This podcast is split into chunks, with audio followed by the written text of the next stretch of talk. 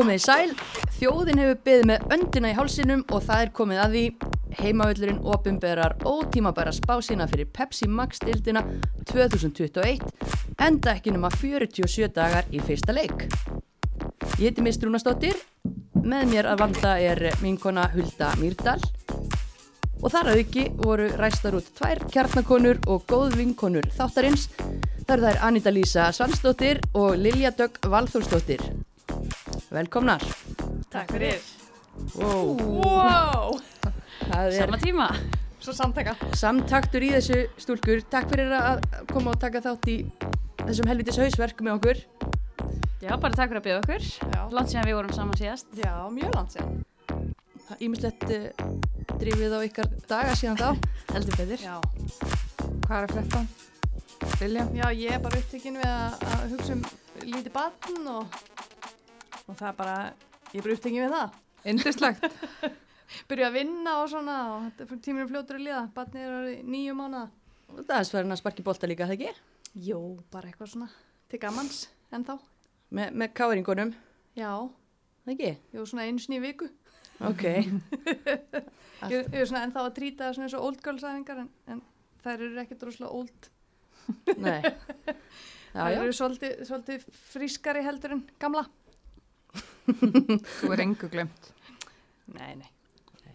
En Anita Lísa, Já, ég held að ég ætla bara að geima þess hvað er að frétta við mér. Nei, ég er að teka. No comment. Taka það sitna í podcasti. Herðu, bara allt gott að frétta.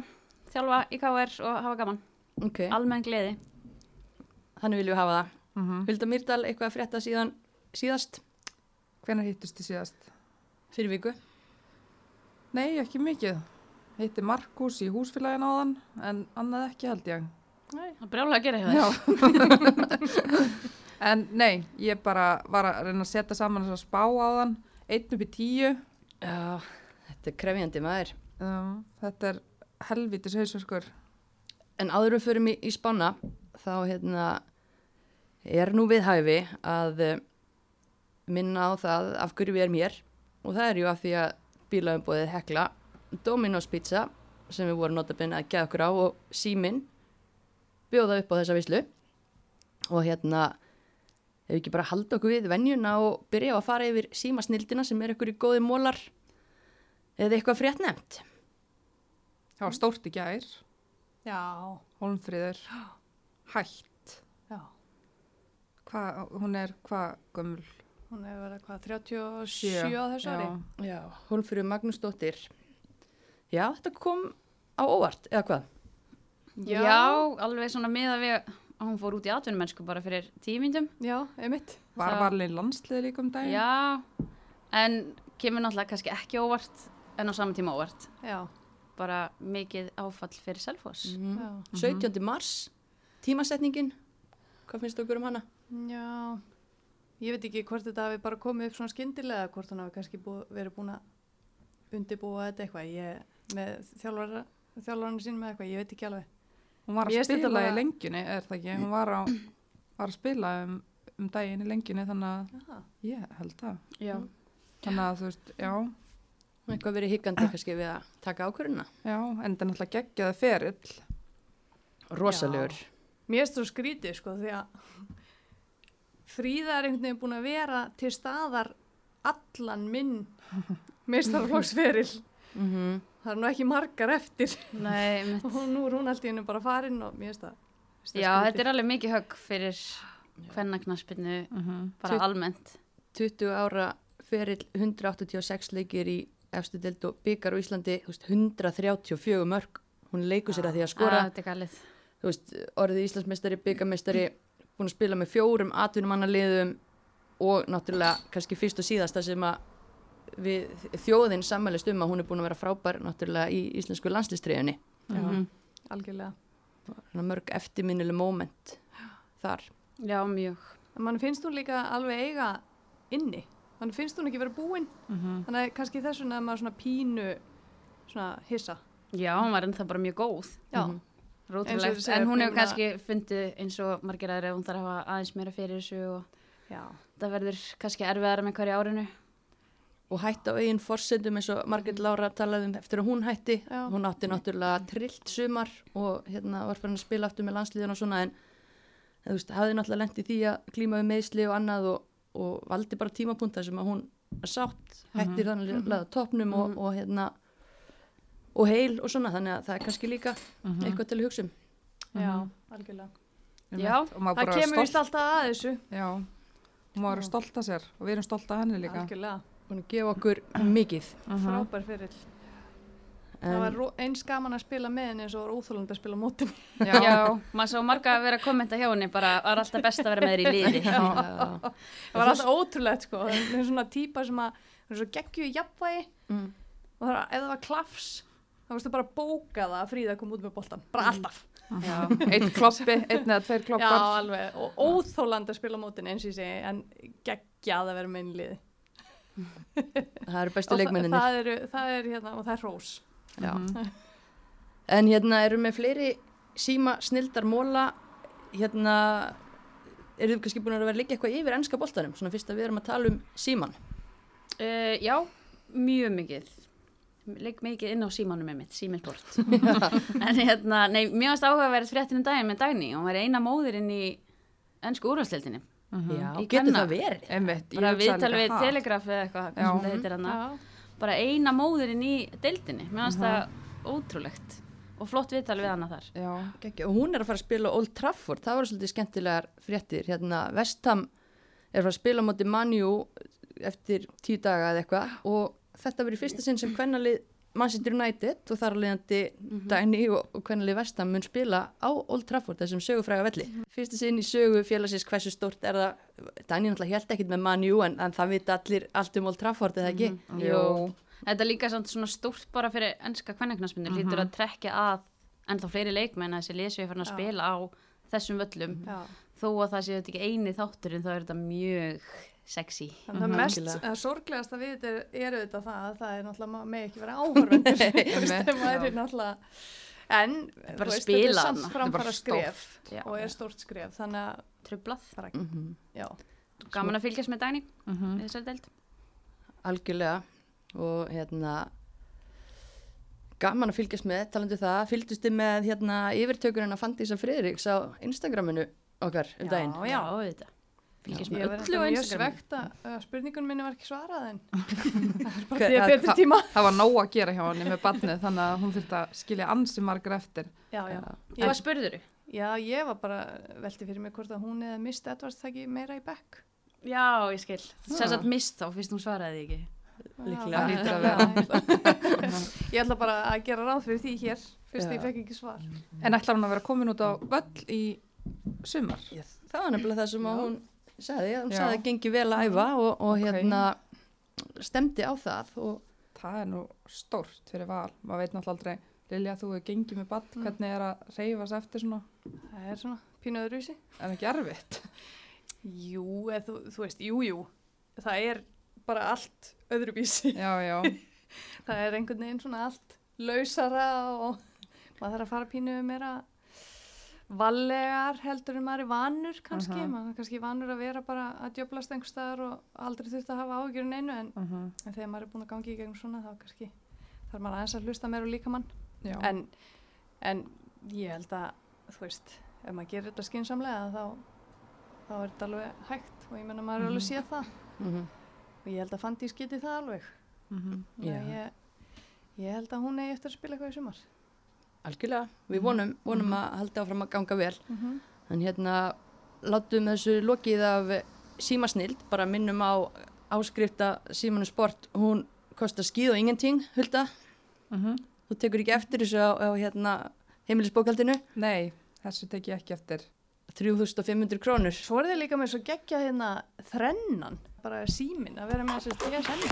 Mæli Þrennan. með. Við komum hingað til þess að uh, setja okkur í spámanns spákonu stellingar já, og uh, erum við ekki bara klárar í að Anita er komin í Hún er bara í alvörinu komin í stellingar. Aðeins að laga mig.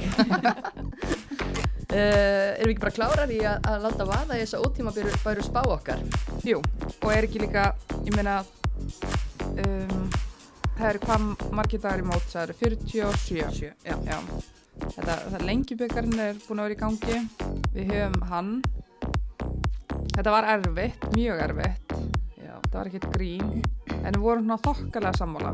Mm, Mm. þið það?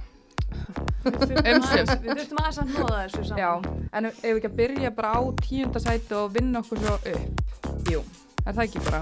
það er bara mjög solid. Þannig að mist, þú tekur tíunda. Ok, uh, ég skal taka tíundasæti. Við uh, fórum, já, kannski auðveldulegina og hendum því á aðra nýleðana.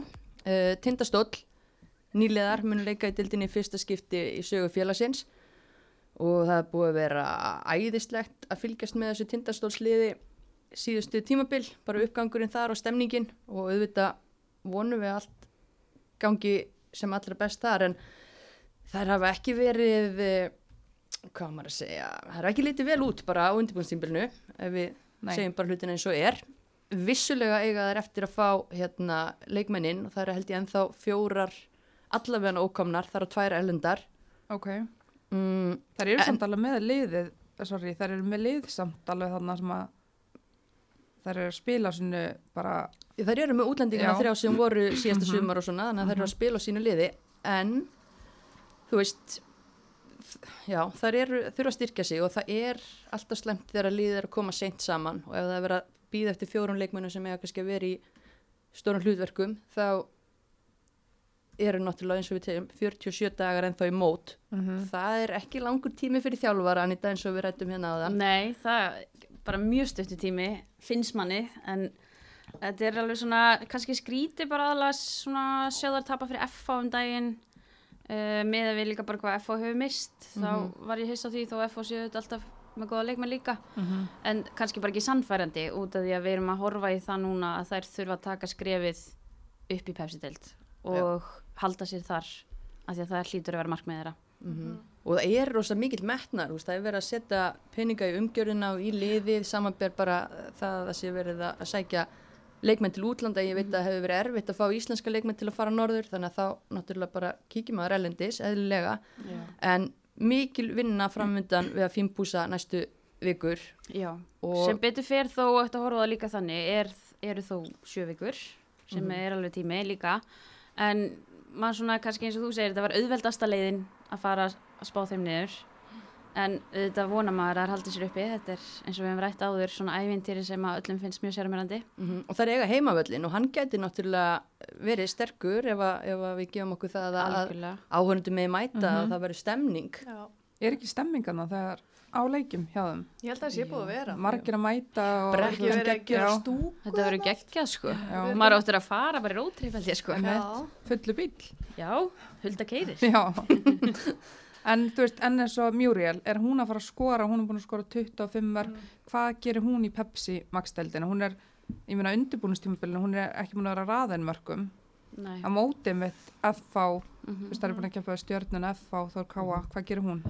Sko, ef við horfum á síðustu tímabil kannski hjá Muriel, hún náttúrulega hefur ekki hérna, verið svona lengi, hún er bara búin að vera á Íslandi, Mm uh, hún hefur alltaf farið og hún hefur komið seint og hún hefur komið í lélugu formi, -hmm. En einhvern veginn skriðdrekast áfram og er náttúrulega ótrúlega líkanlega sterk, uh, sem að tikkar kannski ennþá betur fyrir henni náttúrulega í lakari deild, í lengjudeildinni, um, en ég held hún sé á, komin kannski lengra á þessum tíma í ár heldur hún var í fyrra, samt ekki í einmitt, sínu besta standi.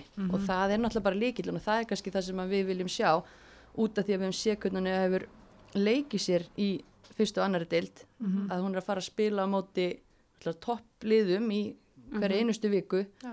og hvernig ræður hún við það, hvernig ræður hún við að recovera á milli leiki og annað, þú veist, þetta verður held ég, þetta verður alveg töff Já, Já. ég hef mitt hugsaði þetta með að því nú náttúrulega fylgdist ég með eins og í byggarnum í fyrra og hitt fyrir að spila á móti okkur í KR bæði árin og voru bara hörkugóðar og stóðu bara vel í okkur þannig allavega í hitt fyrra og Mhm. í fyrra líka og hérna en þú veist, ég velti fyrir mér sko hvernig verður það að því þetta er bara svona eitt leikur Einmitt, stemmingin er Jú, þarna. það er geggjur stemming og það er ekkert mál að gýra sig upp í eitthvað svona eitt leik, þú veist, en nú er þetta bara að fara að vera í hverja einustu viku. Þú veist, ég velti fyrir mér sko hvernig, þú veist, hvernig það er höndlað þannig álægið, Mhm. sérst, þannig að auðvitað Bjartasta vonin þeirra er samt Óskarsmári. Er það? Pettkall. Nei. Já, hann er komin inn í, í þjálfara tími fyrir Jón Stefán. Gruna Já. nú að Jón Stefán verði hann á línunni Já. þeim Hann mun öruglega eitthvað að putta nýja þessu en. En, en það er stemning það er og, mikil stemming. Já. og hjarta í þessu. Þannig að veist, þær getur alveg gert heimavöllina við og, og komið okkur óvart. Þetta er líka þarna liðin, þannig að neðist, þetta er, það er virkilega þegar vorum að tala um þetta mjótt á munum. En hver svona, hver er mikilvægast í þessu liði? Hver verður að eiga stórkostlegt sumar þannig að þær geti haldið sér uppi? Það er bara Muriel, átó. held að- Já, það er bara hún. Þurfti ekki að spyrja. Eiginlega ekki. Ég held að líka bara svo að ég, bæti við, þú veist, Amber, markmaður, Mhm. uh, hún var mjög góð í fyrra en Tindastóls vörninn sko frá fremsta mann til aftasta var líka miklu betri í fyrra heldur undanfarið þannig að, að kannski reyndi ekki brjálæslega mikið á hana en hún er góð markmaður og Já. Þurfa allir nýliðar að geta sett í lás aftast þannig ég held að Já. þær tvær kannski Mhm. og svo er náttúrulega fyrirliðin sýstir Óskarsmára, alveg jafn mikil peppkona, Bryndís Rutt, hérna, Ég ætla að segja hana næst. já, Já, það hérna, Já, hún er algjör pepkona líka. Já, þannig að þú veist, þa það er, er líkill. en, en það aftur bara eini viðbót, hverri á fólk að fylgjast með? Takk mist. Sorry. Nei, er. Mér finnst, mér finnst Bryndís mjög áhugaverður karakter Mhm. Og held ég leikmaður sem fólk á að fylgjast með. Mm Svo er alveg fleira þarna sem að, Já, þetta er náttúrulega bara fólk hefur ekki séð mikið af þessu Nei. liði þannig að það mér finnst. Hugrún líka mjög spennandi. Mm -hmm.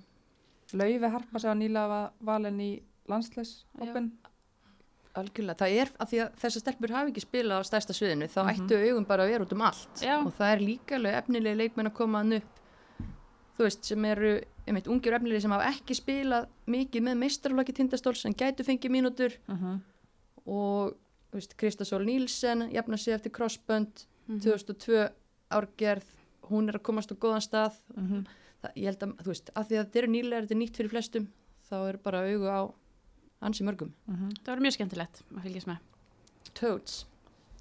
Hvað sagður? Tjóts. Toads. Puttan á púlsinum. Æ, sjómla. Jæja, herðu, Hulda, þá, þá tekur þú níuna, Já, níunda sætið, þarna var nú aðeins hártók. það Í var sal. það. Hártói í sal. En við endum á því að setja í BF. Það er endið í áttundasæti fyrra. Það er nýjunda í ár og það er bara, þetta er, Já, af hverju? já, Hver vill? það eru búin að, já, búin að fá klöru frá Selfossi. Tvo leikmenn, eina frá Lettland og eina frá Svíþjóð. En ég minna er missa margar líka. Já, sko, Hva, eru að fara, að byrja? ég myndi segja, sko, geggjað að fá Klöru Sigurdóttur Mhm. aftur heim uh, og auðskefing aftur í markinu hjá þeim. Það er mjög stert. Mm -hmm. Þær verða með sjö erlenda leikmenn. Þannig að þetta er algjör bingo lotto ef, að, ef að við þekkjum einhvað af þessum leikmennum, við þekkjum ekki allar. Kristín Erna náttúrulega líka komin heim. Já, hún er meitt og uh, óviss með hana bara. Mm. Mm. En þú veist, gefum okkur það að, að þessir erlendu leikmenn verði aðeins öflurinn í fyrra, ég meina þá fer þetta lið ofar, það er ekki spurning. Já, en já, eins og við hefum rætt áður, náttúrulega mjög góður, ungur kjarnið þarna, en þetta er svona eins og segir, kannski bara ómikið lotto á þessum tímapunkti. Mm. Þetta var- þetta var það náttúrulega fyrra líka, en það er bara, það er dutt einhvern veginn niður á eitthvað svona smá rönn, Mm en svo var ekkert að frétta eftir að það kláraðist í rauninni, það er bara orðið hefnar í rauninni að klára þá, eða rönni er að var nóg langt til þess að er í rauninni tryggðu sig bara þar, Já, en þú veist, verða þær jafn hefnar núna? Sko, ég vil ekki segja að það hefur hefnar, mér fannst uh, þau bara spila vel úr sínu spilum, sko, svona skipulagslega séð og, og sækja stígin sem þau gátu sótt. Og þau voru að taka stíg af liðanum í kringu sig og, og heldu sér þar að lendi fyrir ofan þau. Uh, ég persónulega held að liði verði betra í sumar en í fyrra en það þýðir ekkit að það verði eitthvað mikið betra að endi herra í töflunni, veist, fyrir mér er þetta aldrei opið eins og við rættum á hann, það er bara mjög opið þessi, þessi neðri hluti allavega. En af hverju verða það betri í ár en í fyrra? af því að þær eru með sjö erlenduleikmenn helduleikmennu sem þau vildu halda uh, fá klöru tilbaka sem er skeggjað og í fyrra voru þær að spila á sko barn ungri varnalínu það eru leikmenn sem er allt hérna, árinu eldri og, og þroskari þannig ég held allan að það verði ekki slakarinn í fyrra. Ég held að það sé bara alveg gefið. En að sama skapi í fyrra uh, já, því ég var hrós andra fyrir að, hérna, leggja leikina vel upp og sækja rétt stig þá hefði hann átt að gera betur á leikmannumarkanum með við peningana sem hann fekk í, í það gig. Og núna kemur bara ljós hvernig það fer í sumar því að það verður að nýta peningana betur.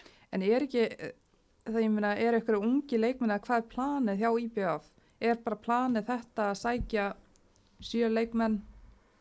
Eða þú veist, er, við erum með Ragnu Söru sem er hvað, 2004? Mhm. Júlíana Svins er hún, hún er ekki 2004 en og svo erum við með Klöru. með Helunu Jónsdóttur og, og náttúrulega auði unga í markinu uh, svo voru stelpur hann í fyrra þegar það lendi manneklu þá voru stelpur allt nýr í 2006 sem að koma inn að hann til dæmis kópa og setja móti breyðablík og eitthvað. Þannig að það eru leikmenn en uh, kannski ekki tilbúna til að fara að bera liðað uppi þannig að ég held bara að það sé svipu staða og hefur verið síðustu ár þú, ef þú ætlar að hafa sko, þú nærði ekki eins og að breyka hópiðin kannski á þokkalugum íslensku leikmönnum Mhm. þannig að ef þú ert að fara að sækja leikmenn þá sækir þetta topp erlenda leikmenn En af hverju vil ekki íslenska stelpur fara að spila þarna nú, Anda og Lilja? Af hvað er máli? Af hverju vilt ekki flytja til Eyja og, og spila í Pepsi Max? Er ekki einhverju sem vilja það alveg? Kristjana Auður og Kristjana. Kristjana þeirra. þeirra. Og ég meina Kristjana sp- springur út, hann er séð þarna skilur og fær stóð sér mjög vel umtal. Ég veit ekki, ég myndi alveg vilja, held ég. Það er er alveg þægilegt, sko. en svo það er bara eins og með öll önnu lifut á landi, sko. Þegar maður var að þjála upp á skaga þá fannst stelpum langt að keira þangað þannig að ég get ekki ímynda mér að IBVF heilli. Þetta er bara, sumir vilja bara vera í borginni. En eins og Kristjana og svona voru klókar, Mhm. fengu færi á að spila í Pepsi og stóðu sér vel. Hún og Algjörlega. auður. Algjörlega. Ég, já, ég veit það ekki. Færið þú til í að flytja, Lilja? Ég? Ef þú væri tvítu. Hann Já. er þetta að Svolítið spyrja mig núna, sko. Með krakkan sko. og kallinn og... Já, nei, ég, ég meina Já, Siggi var öruglega til að flytja til Vestmann, mjög mikið til í það. Uh, hérna, nei, ég meina, þú veist, ef maður er ungur og langar til þess að fá að spila og fá tækifæri og maður er ekki að fá tækifæri það sem maður er, ég meina, af hverju ekki? Mhm. Þú veist, þetta er bara, og, og, þú veist, ég meina, eins og að fara í háskóla til Ameríku eða eitthvað, ég meina, það er ævintýri, þetta er alveg, getur alveg verið alveg eins mikið ævintýri, Mhm. bara öðruvísi. Hver er mikilvægast annað í þessu liðu? Hver þarf að eiga bara topp sumar? Nú getum við ekki valið eitthvað sem er að koma. Það væri kannski alltaf mikið lottó en hver svona... Ég held samt að Klara Klara, já, þurfa það að vera myndi- líkilmanneski þarna á miðjunni og, og bossa þetta svolítið. sammála, Er hún tilbúin í það? Já, Já, ég held það. komin heim eftir æfintýri á hún er, svo gleymir maður samt auðvitað, hún er ung, hún Einmitt. er bara búin að spila svo lengi. Já, en hún líka, En hún- hún líka með reynslu. landsliðskona með fullta reynslu þaðan uh, Ég myndi vilja sjá hana stiga upp og Já, taka til sín svona hlutverk. eiga þess eigu. Já, Já. hún kemur svo, með svo margt líka inn í liðið, þú veist, ekki bara þessa reynslu, hún kemur líka með þetta reysastóra hjarta sem að okkur finnst svo mikilvægt Mhm. einhvern veginn í þessu. Akkurat. Já, það, já, það er komið örglega ekki með IBF hjarta þarna allar frá útlöndum. Það tekur nú smá tíma þannig að hún getur kannski komið fyrir. Ég var enda hrifin að þarna henni Olgu. Já, Mm hún var flotti fyrir á. Já, ég, Það var komið hjarta þar. Og gaman að hafa hann áfram. já, ég, mér varst þannig bara stert að halda henni líka. Ég held að hún Mhm. geti verið alveg svolítið mikilvæg leikmaður. En hver er að fylgjast með hana í... Að hver er verið gaman að fylgjast með? Mm, ég ætla að segja, ef ég má segja aftur. Mm vel. Sorry. Sorry Lilja, ég sé að grípa orðið að þér. Ég, ég ætla allavega að fylgjast vel með Rögnusöru. Já, Hún er grjóthörð. Auðvitað fleiri líka, Helena og þær. En Ragnarsara svona verist, ég var að þjálfa annaflósleikamótið um daginn og hún einhvern veginn búin að svona þroskast og orðin sterkari og hún er tilbúin. Ég er sammála, hún- hún bara er að taka því lík framfæra skref og miklu tilbúin betra, í Pepsi, sko. miklu betra núna heldur en í fyrra Miklu betri, sko. og hún var góð í fyrra þannig að Já, hún er svona skemmtilega leikmar. fætt 2004. Fjögur. Þrjú. Þrjú. Þrjú. þrjú. Ég var að taka áttunda. Já, Keflavík. Flott.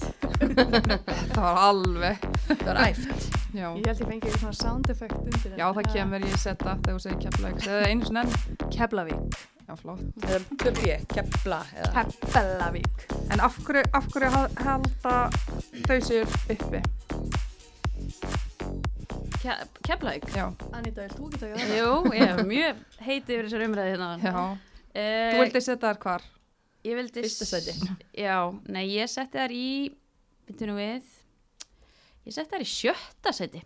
Þú far jólakort frá þeim. Frá ekki. Gunna, Já. Gunna vinnu mínum, eða ekki, og mikil fressa. Já. Já, það er kannski hægt að orða þannig. Nei, Keflæk bara búin að vera samferðandi á undirbúinstíðumvilinu. Þó að margir segja að það sé erfitt að horfa í þessa leiki, þá hérna eh, bara hef ég mikla trú á þessum hóp. Bara hópur sem er búin að spila lengi saman, Natasja Geitin er þarna, við hefum nú oft rætt að við, eða rættum það mikið í fyrra, við vildum hafa hann í Pepsi. Núna er hún mættust og hérna er sannilega að fara bara að vera ein, vonandi ein af betri leikmönnum í Pepsi-tildinni. Mm Þeir eru alltaf líka bara með góða útlendinga. Og verður áfram. verður áfram, já, hafsendin hana. Selín Rúmf og, og líka tvífæri Öglumarju, er það ekki? Er, verður hún áfram? Er, er ég rögla? Póla, Já, Pólína, Póla. Póla, mér fannst eins Ef að hún verður áfram, hún var bara svakalega en hún er allavega ekki búin að spila núna. Nei, ok, ég, Það kannski er ég gæti verið. Já. já. En það eru með dröfn og það eru með Everlind og... Það er með svo góðan kjarnar bara frá heima, eða svona af heimastelpunum. Mm En það er auðvitað eins og við veitum, eru það að spila núna við liði í lengjudeildinni og svona, þannig að það er ósangjant að ætlast til að verði jafn góðar á móti Pepsi-deildalegunum. Þegar Valur er að kjöldra IBVF er Keflavík að spila við hérna, einmitt, lagarlið. En á sama tíma mjög samfærandi. Vinnið er ekki, það er innu Selfoss 8-2 og. IBF 2-1, þar eru þú veist, Já, það eru að senda ákveðin skilabóð þó að þetta Það sé á þessum tíma. búin að taka sterka sigra bara og virðast eins og við erum að segja bara mjög rútinera strax, stýra leikjunum vel, skora mikið af mörgum en svo þarf þá bara komið ljós þegar fyrir erfiðar leiki, hvernig þeir eru tilbaka og hvernig halda þeir varnarskipulagi og svona, náða þeir að þétta það. En hver er, að þú veist, Ástaveitis, hún er komin aftur í blika. Alltaf hefum það að er- er í Þær eru að sækja erlendan markmann, skils mér, og fá svo senter líka Ok, sem að þær þurfa. Og það er þó viðbót við það sem er núna ef, ég, ef að heimildirnar hérna svík ekki. Þannig að uh, það ætti að vera í, í fínum málum. Forvinnir þetta að sjá hvert hann sæki markmann. Það var Azerbaijan síðast, áður en að fór í Kópavóin og eitthvað, þannig að geti komið með eitthvað krassandi. Já, það verður skemmtilegt. En hérna, þú veist, sumir byggust við meiri flugveldasýningum í Keflavík síðasta sumar í lengjudildinni. Já, Mm Uh, kannski heilt yfir var þetta bara mjög solid, mm Mhm. bara mjög flott og, og samfærandi og, og verðskulda sæti en þú veist, svo fyrir við tvö ár tilbaka þá var ákveðin vombriði þá og það með Sveindísi Jane og Natasju heldur sér samt ekki uppi, þú veist, af hverju ættu þær að gera það freka núna? Mér finnst svo gaman að sjá hvað þeir eru að tækla vel að hafa ekki sveindi sig. Mhm. Það var alltaf stærsti punkturinn og það var kannski bara líka smá galli fyrir þær að vera með svona góða leikmann af því að það var bara að spila upp á hana. Og fótbolti núna sem er spilað er miklu skemmtilegri. Þetta er allt annað leikur Já, núna. leiðist að segja það Já. af því að það var mjög gaman að horfa á svindis í keflaðik. Þá núna er Gunni og Kó bara búin að tækla þetta ótrúlega vel. Fjölbröttar í sóknarleðir og svona meira flæði einhvern veginn. mm Já, já, og ég held að í fyrra, þú veist, fyrra er það að spila og þú segir kannski ekki nógu eitthvað, en það var, þar voru bara að byrja að spila allt annað leik upp á nýtt, Sveindis hefur verið þarna alla sinna æfi, þær hafa bara gert þetta, þannig að í fyrra voru það bara að læra annan leik sem að koma þá bara sterkari núna eins og það eru að sína, þær eru bara búin að vera lengi þarna saman og slípa sér saman, þannig ég held að þær verið bara, sko, Já, allavega alveg svona ágættis möguleikar í að halda sér uppi. Mhm, Fyrst við erum allavega ræða það núna á þessum tímapunkti. mhm. Þetta er ótímabær spá. mikið rétt, mikið rétt. mikilvægast þarna, það Lilja, þú mátt segja það núna. Natasja. Já, já, það verður að vera Natasja. Mm Hvað gerist bara ef að hún meiðist, hvar er þetta lið þá, svona með við hvað hún er mi mikilvæg? Uh, ég veit það ekki. Hefur hún samt einhvern tímann meðist? Er hún ekki úr einhverju Stáli. stáli, einhverju öðru, já? Já, Vá hvað Gunni verið reyður ef hún meiðist Já. núna. Já, nei, nei. Nei, en ég held að það væri bara mjög erfitt. Bara Já. svipa á fyrir öll lið að missa besta leikmann sinn. Það er er erfitt að fylla það skarð. Er hún ekki samt miklu betri besti leikmaður en í ykkur öðru liði? Er þetta ekki miklu starri Er það meina að hún sé svona, áberandi bara mikilvæg? Ég meina hún gæti spila fyrir bestu lið Já. landsins. algjörlega. Já. Jú, hún, ég, ég, jú, ég veit hvort að fara með þetta. Ég, jú, ég hugsa það. Þetta er mjög erfið spurning.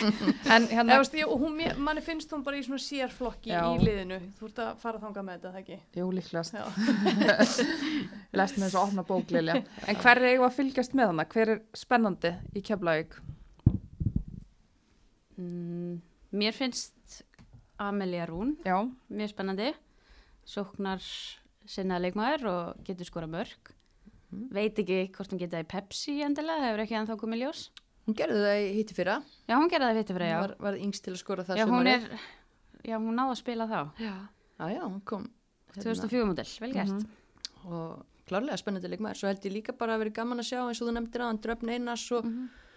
og, og svona leikmenn sem að við vitum alveg hvað geta og, og heldum kannski að myndi ekki taka tímabil í fyrstu deild síðasta sumar. Mhm. Gerðu það, komar Já. upp og, og tilbúin að láta ljósitt skína aftur. Mhm. líka Elin Helena sem að er að koma frá láni, já. vera að spila í augnablík. Hún er líka, það er góður miðverður Mhm. sem verður gaman að sjá hvort að hún fær sensin þarna.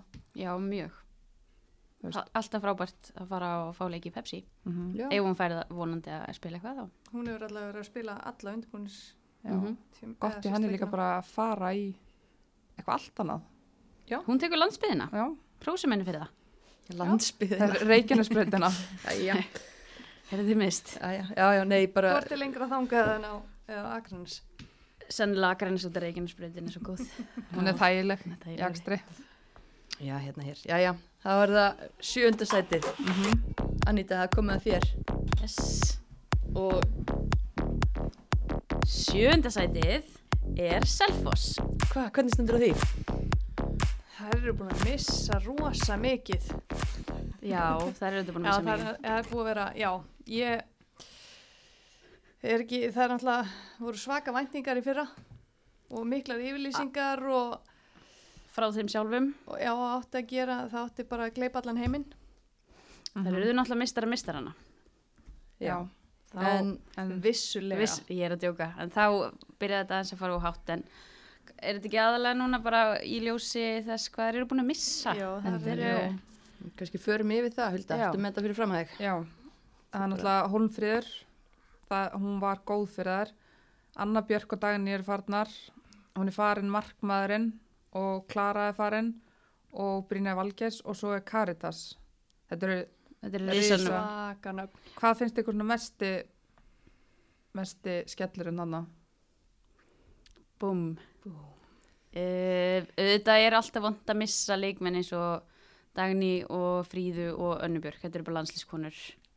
En Caritas Tómas er líka orðið landslískona. Mm Hún er ansið stórbeti. og búin að vera síðustu ár Já, mjög mikilvæg fyrir þær og bara kannski pínu svona hvað maður að segja uh, hvernig segir maður á íslensku svona underrated eða svona Vanmetin. vannmetin. vannmetin finnst manni kannski pínlítið Já. Já, hann var oft svona að vinna ósynilega vinnu. Mhm, En Steini tók allavega eftir henni og Já. kippir henni í breðablík. Hún var náttúrulega bara ógislega góð í eh, líka stóru leikjunum á móti þessum bestu. Þá var hún bara gattstundum getið þar þannig að hún á alveg fullt erindi í Bíkarúsleikur í sæður unnu. Mhm, Rosalegt. geggjuð. En hún er farin og Mhm. þess vegna er liðið sem að hérna, endaði í fjórðasæti eftir útreikninga í fyrra þegar mótið var, mótinu var slaufað því er hérna, spáð kjallaranum næstu því, sjönda sæti. Já, Já. þetta er ljótt af ykkur. Nei.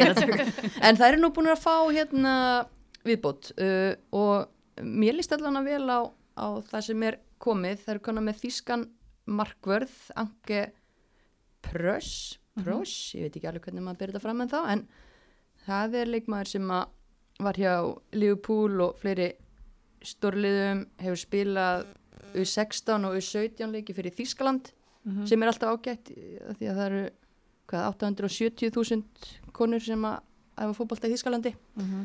þannig að ná, ná sér í yngri landsleik þar, það er ágættis afreg Já, mjög gott. uh, en hún er allavega hérna flott og, og hún Katie ekki í standi núna en, en lítur bara vel út og svo er fólk að tala mikið um hvernig Eva Núra er að koma hann inn Hún er grjótarð. Já, og hún er að fá, virðist ég að fá nýtt hlutverk og kannski vantar kannski aðeins ykkur skapandi leikmenn með sér en, en hún fekk mjög góðar, er búin að fá mjög góðar umsagnir eftir þessa leiki núna upp á síkastið.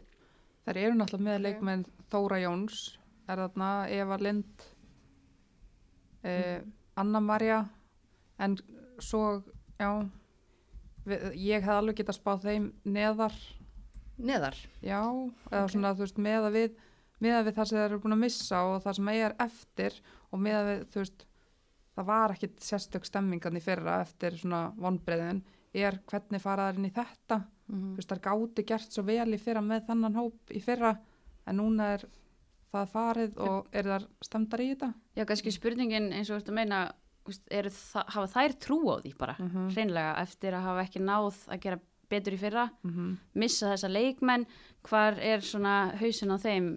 Já, og hver eru líka markmiðin? Hvað eru þau að ræða núna inn í klefa eftir æfingar? Þú veist, það eru augljóslega ekki, eða augljóslega, það eru vantarlega ekki sömu markmið og, og að tala um í fyrra. Þú veist, á núna bara að setja einhvern hægar í gýr og kannski fara að gefa fleiri ungum tækifæri eða eru leikmenn á leiðinni, orðið á göttunni segir tveir elendi leikmenn í viðbót og þá ertu nú bara, þú veist, þá ertu greinilega að horfa upp í töfluna ef þú gerir það. Já, Mhm. ég hugsa alveg með að við svona hugafari hjá mér fyrir að þau eru ekki til að slaka á. Mm. Það væri kannski skrítið að detti ein- einhverju uppgjöf, þó að ekki gengið í fyrstu tilurinn, þá er alveg engin ástæða til að hætta. en hver á að skora þarna? það áttu mjög með að skora í fyrra það, bara, það var ómögulegt Já, var þó einmitt það að væri með það. Dagný og Fríðu Og Fríða var konan sem að dúkka upp með eitthvað óvænt, sko, ekki eftir uppspil, heldur bara Einmitt. fríðumörk Já. og það er, það er farið. Hérna, hver á að setja boltan í marki ég, bara, ég sé það ekki Það lítur að vera Hlýtur að vera já. erlendilegmaður sem að Já. ávendilega vera sender sem að gera það. Já. Það er ekki með mörg mörg í liðinu eins og, eins og sækir standa. Nei og þessi leikir líka þú veist, jú ég þarf vinna káar um daginn 3-1 að tapa fyrir þrótti 2-1, skítapa fyrir Keflavík, þú veist, miða við þetta það er bara svona, já Já.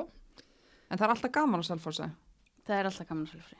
Mjög gaman að mæta á öllinar. uh en hver er mikilvægast þarna? Já, mikilvægust. Hver vill? Já, Ég var bara pínu erfitt með, Sko, Barbara er náttúrulega með Rísa Selfos hjarta, þú veist, orðin aðlandsliskona ég myndi segja hún já. verður ekki hún, þú veist, Já. rosa stórt sumar fyrir, fyrir hana. Hún er stærsta nafnið þarna næsta sumar. og líka, Já. jú, nú er hún orðin, hún er orðin nafn, núna verður hún líka bara spila þannig, þannig að Og hún það- fílaði, hún fílar já, ábyrgð. já, en hver, hver er að fylgjast með þarna? Minna, ég er spennt að sjá Efinúru eftir, þú veist, Já, ég held að líka ef hún er líka að fá nýtt hlutverk og er mjög skemmtilega leikmaður. Hún getur alveg dottið inn í eitt svona fríðumoment og gert eitthvað upp úr þurru og Mm það er svona, já, hvaða ungu stelpur eru þarna sem er að stiga? Áslaug Dóra. Já, auðvitað. Það verður mjög gaman að sjá Já. hana. Já, Svo er Náttúrulega- Já, stelpa sem heitir Katrín Ágústóttir sem að er hérna, mjög ung. Uh, hún fekk bara nokkra mínútur í fyrra en er búin að vera að spila á undirbústímbilinu. Uh, mjög svona, já, skemmtileg leikmaður, rosalega kröftu áræðin. Ég get alveg séð að hún sé að fara að fá einhverja mínútur og, og hún er svona bara svolítið straight forward típa á velli. Þannig að það er kannski eitthvað. Já, ef þú ekki bara að segja, hvað segir þú mist? Um hvað? Hver er að fylgjast með? Já, ég segi bara þeim öllum held ég. Já, hefur ekki að setja þetta á hana Katrínu? Jú, jú, það er flott, nýtt nafn. 2005. Já, Þá er, fylgjast með, við erum ekki að setja, og nú þarf ekki að byrja þetta uppi. Nei, nei, bara- nei, nei, bara- nei, nei, nei. Sýna hvað hún getur. Já. Nei, Ég er bara, hvað hefur áhugir að ég er afinni að hugsa, strax? nei, ég er bara að hugsa hvað hún er ung. Ég það er, hún hefur gott að því. já, Það er bara það. flott. Þið Herðu, veitir, 2005. já, Þú veist bara það er sjókislega gömur. ég, það er líka komið 2021, Lilja mín. Ha. Já, já, sjus, sjus. En sjötta sæti, Og ég að taka aftur? Nei, já, gerðu það. Svo æfið. Nei ég er að tjóka. Við það komið að þér mist núna. Það koma mér, já, já. Það er uh, Laugardals uh, liðið, Röndotta, þróttur, Já, fymtasæti fyrra, sjötta sæti í ár, af hverju? Dömur? akkur, akkur spáðið þeim neðar. Ég segi þið mér, Hulda, hvað er með það? vil lengi segja neitt. Jú, ég, ég er alveg alveg til í það. Það eru með góðan þjálfara en það er, það er ekki þess vegna sem er enda neðar. En það voru með Já. geggjaða útlendingi fyrra. En það er, hann hlýtur að vera að fá ansi góða útlendinga núna. Hann Er, er, hann ekki bara svolítið góður Já. á útlendingamarkaðan? Hann hefur aldrei fengið lélegan útlending, Já, þannig að ég held að það sé engin að við bara þá pressu á hann. Hann er búin að fara út og skoða. Sko, ég er búin að að- sjá, það eru tvær sem spiluðu núna um daginn og eru byrjar að spila og hvorugar komna náttúrulega í sitt besta stand en ég ætla að segja ykkur og ég er kannski að spoila því að Mhm. þá ætti að vera spurt á hverju mamma er að hafa augun ég ætla bara að koma með það hér og nú Katie Cousins uh, ótrúlega flottu miðumæður með mjög háa svona, hvað maður segja, fótbolta grindavísutölu Mhm. uh, algjör dreifarið að fór rosa mikið þar í gegn á móti IBVF sérstaklega og bara hrikalega klók það er langt síðan ég hef séð svona, segja, svona snjallan leikmann þannig að það er og það, og það gefur mér hérna segja það segir mér það að Nick, Nick sé bara að rúla þessum leikmannaköpsmálum upp enn eitt tímumbilið En hver er þá, þar voru með Stefani í fyrra til að skora mörkin, hver er þá hinn eh, sem á að skora? Já, Sko, fengur líka Guðrún Geðu frá Breiðablik. Já. Mhm. Hún getur skorað. Uh, Það er eiga lindulíf eiginlega inni því hún Já. spilaði mjög lítið Já. síðastu sumar vegna meðsla en það litla sem hún spilaði, hérna, hún gerði vel. Það er aldrei að vita nema Ólaf Sigurður komið aftur á láni, hver veit, en að því sögðu þá eru, þá er allavega, sko þetta eru, leikmenn sem eru skráðir eða svona talað um sem miðjumenn en það eru mörk í þeim. Þannig að, veist, ég veit ekki alveg, ég efast um að einhver þeirra sé að fara að spila sendirinn en ég held að við séum alveg að fara að fá fjög og fimm mörk frá, á, á haus já, ég get alveg tróð því. á haus, það er kannski, ekki kannski þrjár allar en tvær þeirra já, um, já, það var vonandi að Lindalí spili. Já, Það var Mhm. vonbrið að missa hana svona snemm út í fyrra. er, eftir svakalegt tímabilan undan. Já, En er svo- spennandi. já, en það var rosa stemning með liðin í fyrra og það er oft þannig að það er stemning fyrsta árið og gekk vel, það náðu best, sínum besta árangri, náðu hann að hanga á þessu fymtasæti og, og svona Mm uh, er, þú veist, verður eitthvað svona antiklæmaks í sumar Nei, ég held Ég ekki. veit það ekki, en svo er það náttúrulega líka búin að sækja sér uh, markmann annan. Hún náttúrulega er að taka sér pásu eða ekki. Jú, Jú, Íris er komin í Arnardóttir. marki. Já, Íris tök náttúrulega með mikla reynslu og Svo fekkum við Sólei tilbaka frá Breiðablik sem er fárónlegu styrkur í vörninu hefum. Já, Sólin alltaf spilaði síðasta sumar Já, já, hún Já. gerði það á hann láni en svona núna er hún bara alveg og er að spila, já, Já það er gott að fá hann aftur heim. mm Þannig að þetta er svona, ég veit ekki, minnst það eins og við tölum alltaf um hann er alltaf með mjög gott leikplan og það eru vel rútinirar. Mhm. Besti leikmærin kannski fyrir að var Mary Alice sem að Valur náttúrulega bara tríði sér hann á miður tímabili mm því að hún var svo ógislega góð og, og hérna en það verðist bara vera að opna núna fyrir ungan leikmann Mist Funadóttir er búin að spila vinstri bakur núna Mhm. og gera það glimrandi vel og þú veist að öllu óbreyttu þá sé ég hann ekki sleppa tökinu á Nei. þeirri stöðu ég held að það sé bara enn ein, þú veist, ungu efnileg sem er hann, þú veist, Jelena, Andrea Raut. já, þú veist, það eru- 2003 stelpur sem er bara komna til að vera hana það voru náttúrulega ótrúlega lágur meðalaldurinn á íslensku leikmönnum hann í fyrra, það voru Mhm. allar undir 20 Einmitt. Já, yngsti fyrirlegin í deildin og svona, en þetta er, þetta er skemmtileg blanda. mm algjörlega. Þannig að já, ég, ég held að, þú veist, hvort sem að verður fjórða, fymta, sjötta sjönda, Já, þetta er náttúrulega, þetta verður það er ekki ég að falla Nei. og líka bara flott mig að vera búin að tryggja sig bara í þessa deild. Bara búin að vera spila í lengi og svona. Hvernig var það síðast? Hittu fyrir Já, aftur. einmitt. Já, lengi, Og nú- ég er lengi byggarinn, lengi deildin, já, sorry Nei, þú veist, það enda í fymta í fyrra og svo núna bara erum við að spá þeim, þú veist, sjötta sæti. mm Þannig að það er bara, það eru komna til að vera, mist. Það er stert. já, já, ef að við höfum eitthvað vita því sem erum að segja þá, þá eru þær það, Já, kemur í ljós Ah. uh, Pepsi Max. Hulda, nú langar mig að spyrja ykkur Já. enna, hver verður mikilvægast þarna í lögadalum? Það verður, það er náttúrulega Álfildur Rósa er, hún var kallið í landsleisópinum daginn hjá Steina sem var æfa hérna í Íslandi. Hún er náttúrulega bara svakalega mikilvæg fyrir þetta lið. Um, mikilvægust, uh, uh, já ég myndi segja hún en þið. Já, ég er sammála. Hún er svona einhvern veginn dregur liða áfram. Mm Pínu forvitin að sjá sko að það eru svona einhverja taktiska breytingar í gangi hana og til dæmis þessi Katie Cossin sem ég var að nefna á hann hún var komin svolítið í stöðun hennar álfu svona djúp hana Mhm. holding. Eh, þannig að ef að álfu verður eitthvað færið til á vellinu, ég veit ekki að því að mér fannst hún svo ógeðslega góð þarna í Mm fyrra svona, tappin í flöskunni Já, svo geta hann verið að prófa bara núna. Hvernig, hvernig það gengur upp og að hafa möguleikana.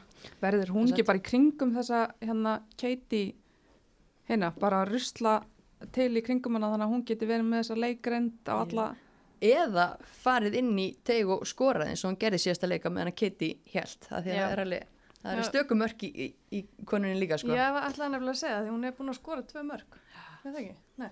Jú, ég held að hún hafi verið gammur mm Já, ég held hún sé mikilvægst. Já. En fylgjast með, eigum við að segja, þar mist funna spoiler Já. já, já, mist það finna Klálega. bara klárt Svo elding hérna á kantinum, eða vagnum. Jeps, það fylgir nafninu Er Það ekki. já, Er það fymta? það er fymta hvað ætlar að henda sér í það? Mm, já, fymta sætið Við ætlum að fara í Garðabæin, er það ekki? Vorum við sammála um þetta? Nei. Nei. það endur ekki Það var næstu slagur hérna áðan hvar hérna stjarnan myndi lenda. Það endi í sjötta seti í fyrra.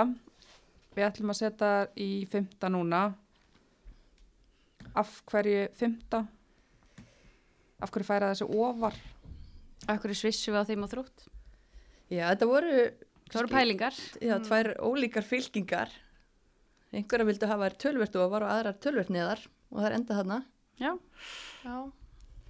Ég held bara stjarnan er bara, hvað maður að segja, á veg, vegferð með Já, Kristjáni. Ég, já, ég ætla að segja það. Kristján er svolítið svona, En er þetta of hæg vegferð? Fólk er eitthvað svona að ræða það? það eru náttúrulega með Já. ungt, mjög ungt lið.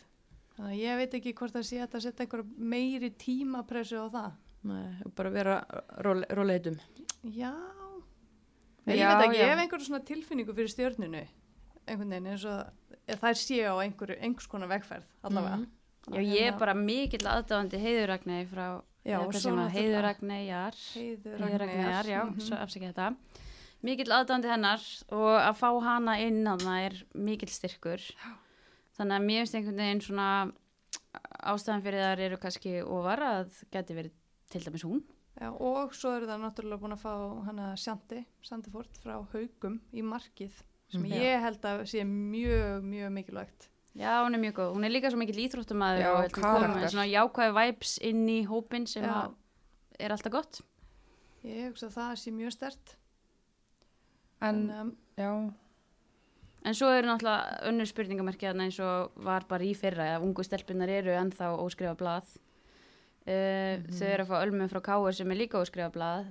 Þannig séð, Mhm. það bara svona á ennþá eftir að kannski að fá heilt tímabil í Pepsi. Er veist reynslan svona svolítið grípin í fyrra þegar að, þú veist, Erima Klóit og Málfríður Erna voru komin að inn, Anna Maria kom aðeins inn í lokin, spilaði lítið. Já.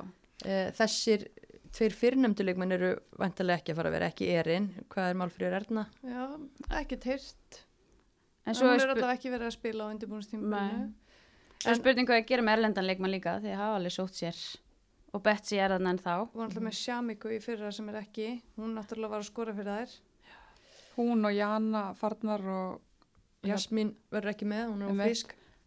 já, mér finnst þetta svona freka þunnur hópur. Svona ef ég bara, þar eru með Hildikun Ír sem er spennandi, Anítu sem er búin að vera meitt, en hvað, þú veist, ég meina alveg er að koma Káer, Káer skít fjall, við getum ekki sett það á hana, hún er að fara, þú veist, vera eitthvað burðar ásinni í Nei, nei, sók, en hún sóknarleiknum. gæti samt alveg fitta ágætlega inn í þetta lið. held ég.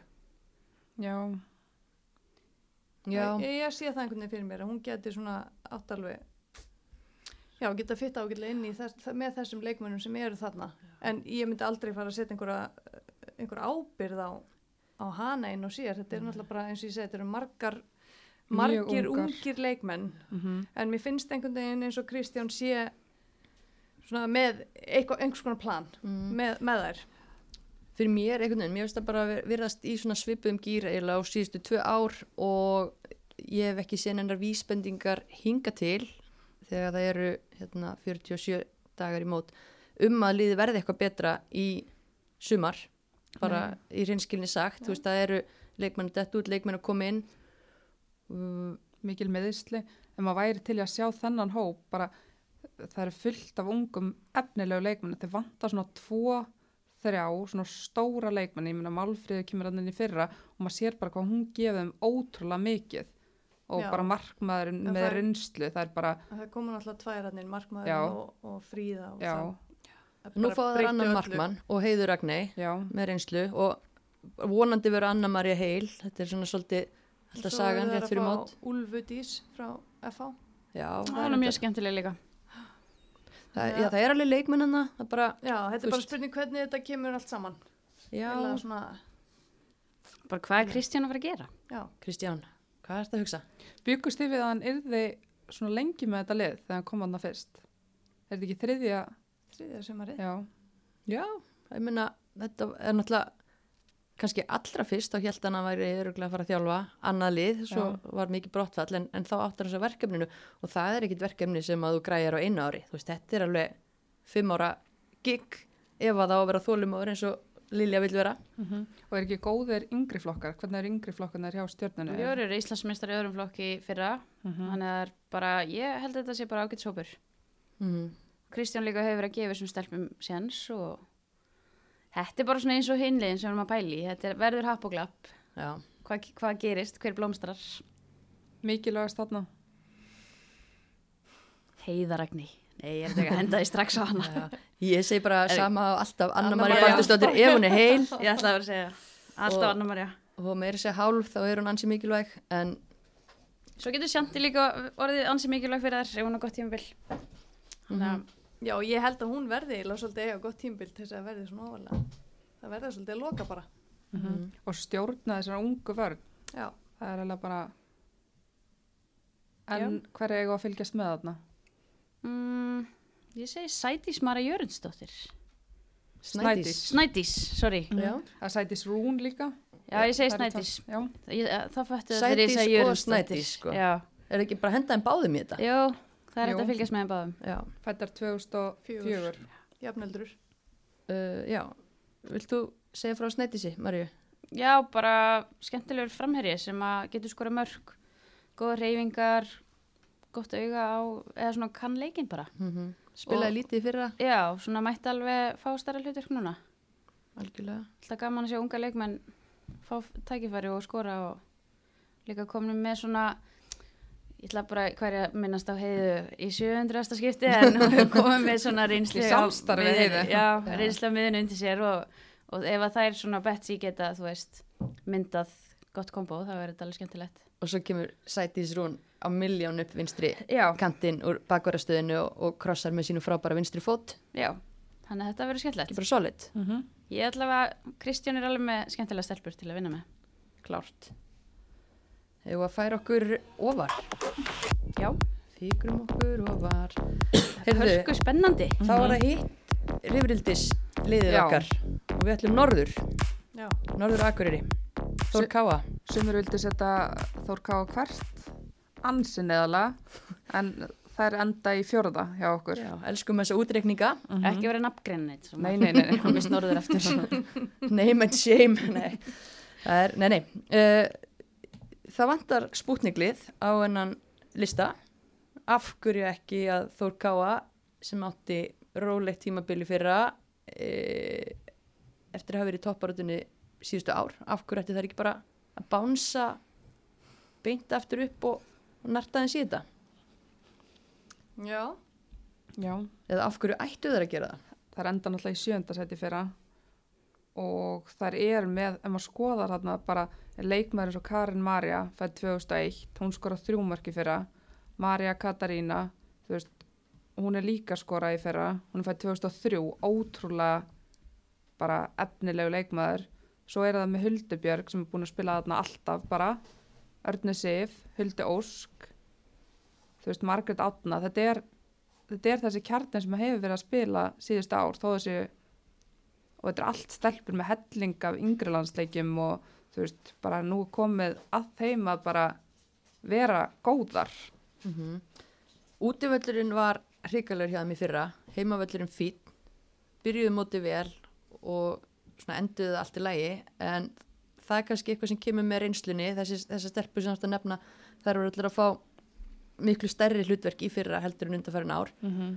og með reynslunni kemur stöðuleiki uh, manni skilst að það sé bara búið að vinna mjög vel með liðið í vetur og svona þessi orðnar skarpari taktíst og, og hérna bara líti betur út og það er, það er alveg svona ákveðin bjart sinni sem heyrist þarna að norðan.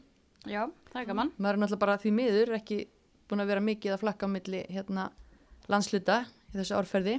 Nei, en maður treysti sínu fólki.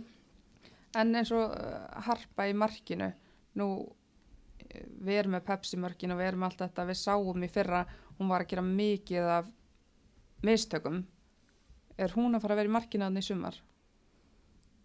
Hvað segir þú mist? Veistu eitthvað? ég veit ekki betur, þú veist, ég, mér skilst að séu þrýr erlendi leikmenn á leiðinni Mm -hmm. ekki þar sömu í fyrra þar lærðu vonandi af, af reynslunni þar líka þurfa að vinna þá vinnu aðeins betur því að þær voru ekki að, að heilla okkur Mm -hmm. uh, þrýr erlendi leikmenn ég held að Harpa sé að fara að spila ég hef ekki gert að sé að koma markmaður. En þær, já. Það er líka bara veit. fínt að gefa henni trösti þá og Já, já, hún, já, leifin að vaksa. algjörlega. Þannig að, og svo náttúrulega það er annar leikmanninni sem að hefur verið þeirra mikilvægasti leikmaður síðustu ár. Bara Arna Sif. drottningin á Akureyri, Arna Sif Áskrinsdóttir hún, já, Hún væntalega á að koma tilbaka. mm Hún er náttúrulega í Skotlandi. Hvað er að frétta frá Skotlandi? Það er ekki búið að spila neitt þar, eh, held ég, janúar, februar, mars. Þannig ég veit ekki betur en hún hefði ekki spilað einn einasta leik en þá. Það er náttúrulega aldrei gott Nei og ég svona hefði haldið að hún væri að fara til þess að fá leiki og koma tilbaka í standi en ég, mér sýnist deildin þar ekki fara stað fyrir bara núna í byrjun apríl væntarlega eitthvað COVID-tengt að því að ég, ég ger ekki ráð fyrir hún að við farið í þetta æfintýri vitandi þetta, Mhm. þú veist en þá er spurning hvernig standi kemur maður heim ef maður spilar ekki ef maður spilar ekki, þú veist Já, líka er það þá ná að æfa á fullu og svona. Já, maður, Furðulegt. svo náttúrulega veit maður það ekkert með Nei. þetta COVID, hvort, að, hvort það sé að ná að æfa eðlilega. hún væri öruglega komin heim ef hún væri ekki eins og æfa hlýtur það ekki að vera Já, ég, þú veist, jú, væntanlega. já. En það er samt aldrei eins einhvern veginn, ef þú Mhm. farið ekki leiki. Mm En þá er líka spurning ef það er fyrsti leikurinn ekki finnir í byrjun apríl og tímbili hér byrjar í byrjun mæ. Lengist hún úti? Eða þú veist, eða lengja tímabili úti? Já, þú veist, Það er alveg spurning. er það séns að hún komi þá ekki fyrir tímbili hér? Það verður náttúrulega mikill missir fyrir Þór Káa.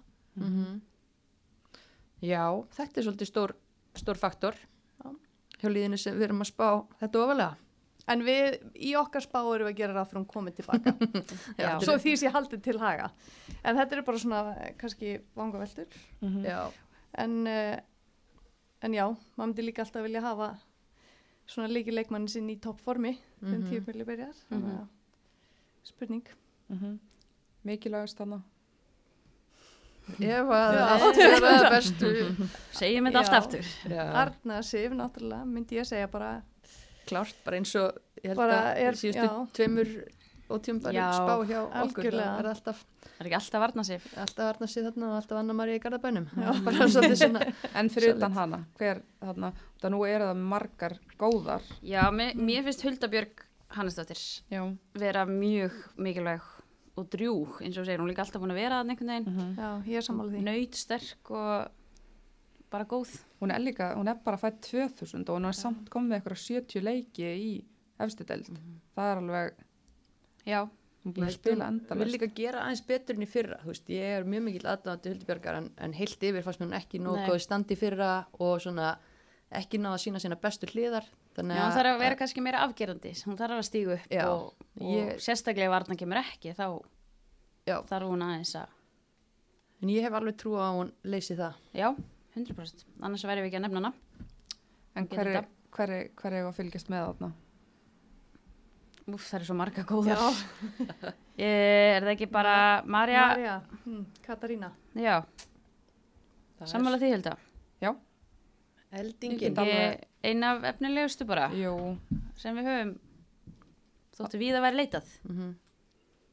Það var- Fárulega fljót og bara ótrúlega góð. Getur klárað og... já, gerði mikið í fyrra og gerir örgulega meira í ár. Já, mhm. fylgjumst með henni. gerum það. En Já. hérna þriðasæti og að fara í það. Já, nú fyrir þetta að vera spennandi. Nú er þetta að vera Það veit enginn hvað er að koma næst. Nei, haldið að einhver á Íslandi spá þessu liði ekki þriðasæti Nei, við vorum allar sammála, eða ekki, um, jú, þau kannski ekki segja frá því, það er ekki Við skemmtilega. erum alltaf alltaf sammála um þriðasæti já, Já, Sælt, Hulda, viltu segja okkur hver er þriðasæti? það er liðið úr árbænum fylgir. Gerði 2-2 jafntöflu við breðablikun daginn. Eru konar með nýja markmann Tinnu Brá. Mm eru búin að bæta við sig bara svona, þetta er svona í sama gýr og hefur verið. Já, svona ungar Un- og skemmtilegar. ungar.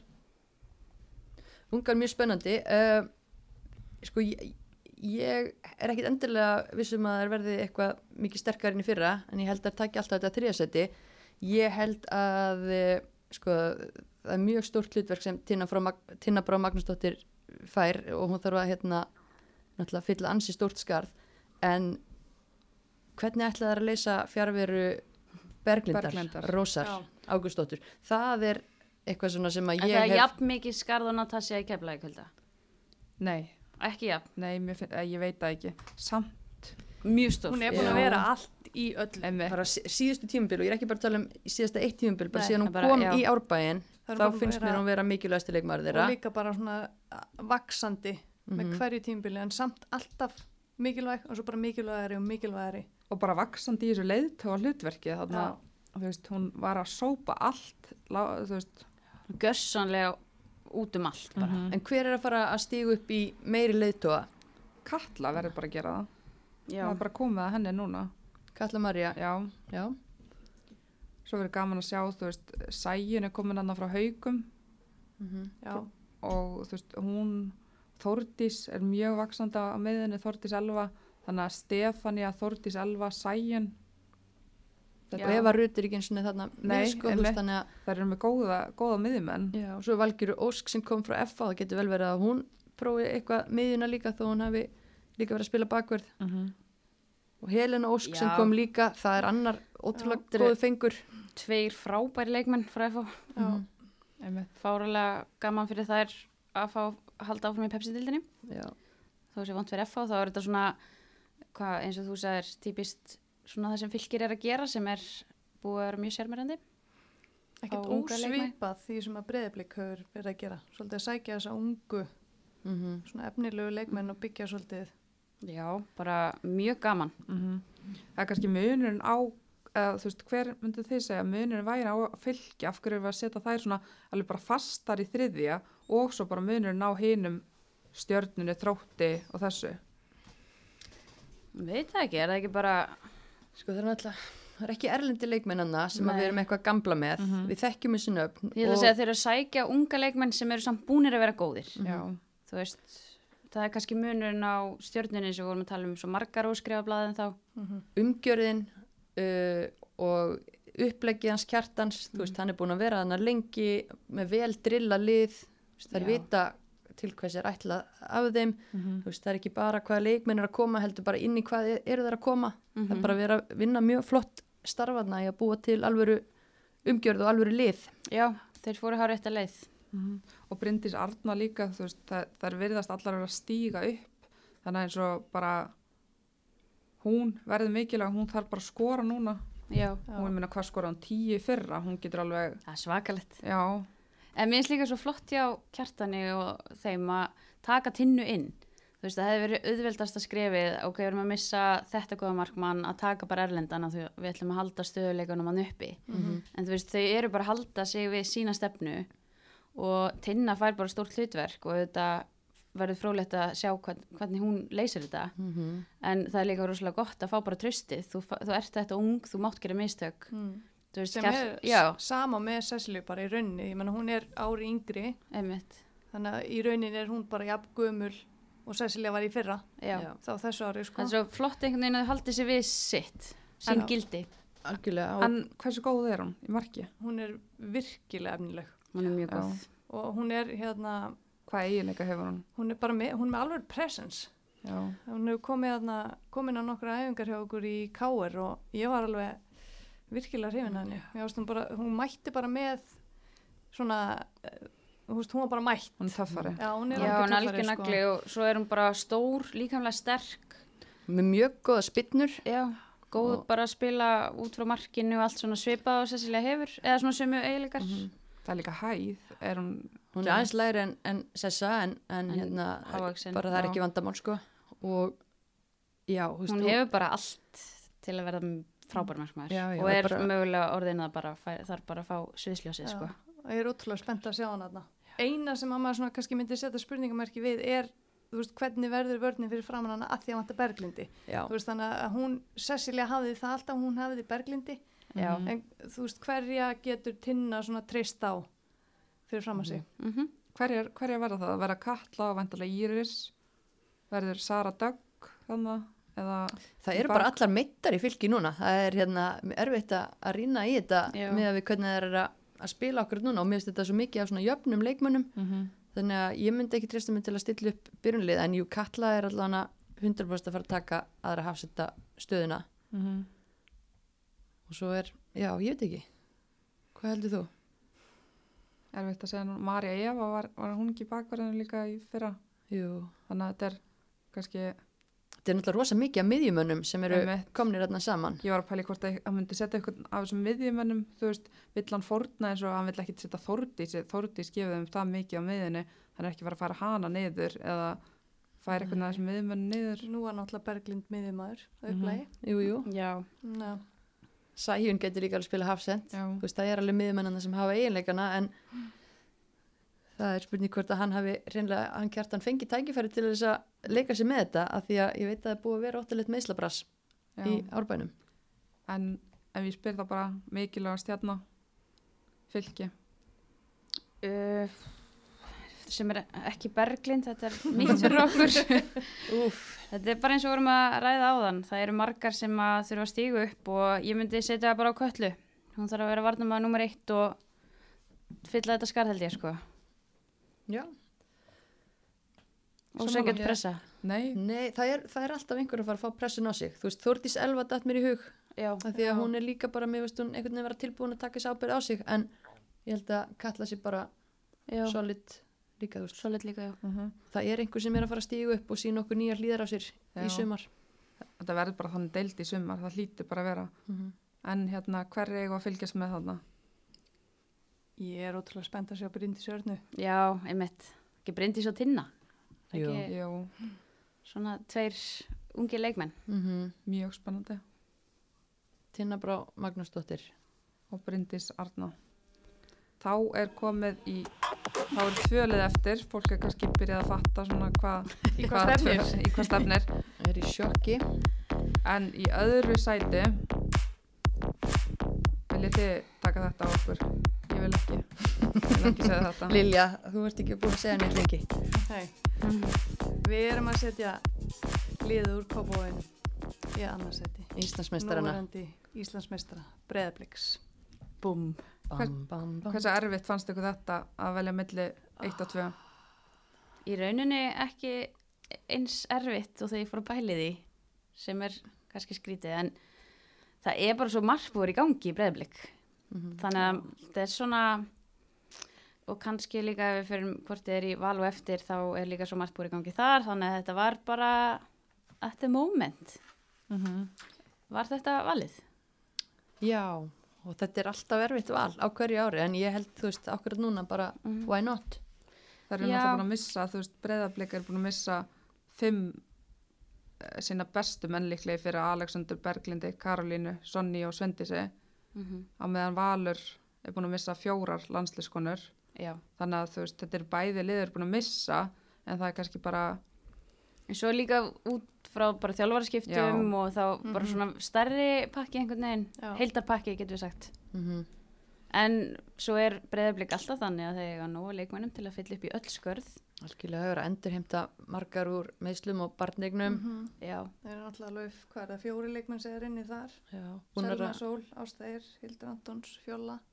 hver, hvernig er staðan á þessu leikmennu? Hverjar af þeim er að fara að spila í sumar? Ástæri byrjuð að spila mm Já, Þú veist, hver er staðan á Selmu, Sól og Hildi út að mér finnst þetta breytast töluvert ef við erum með þessa leikmenn þar sem núna er við bara með úr byrjanleginu, við erum með Hafrúnur Rakar sem var að koma nýjinni fyrra, Aglamarja, það mun mæða mikið á henni þú veist, við erum með Kristínu Dís, hún verður líka bara eldast um svona tíu ár til að draga þetta liða fram, þú veist, við erum með Heildísi Hildi Þóru þú veist Selma, Sól og Hildur Andors eru svona ansi Nei, það geta verið bestu miðjumenn í dildinni ef Já. þær eru í stuði.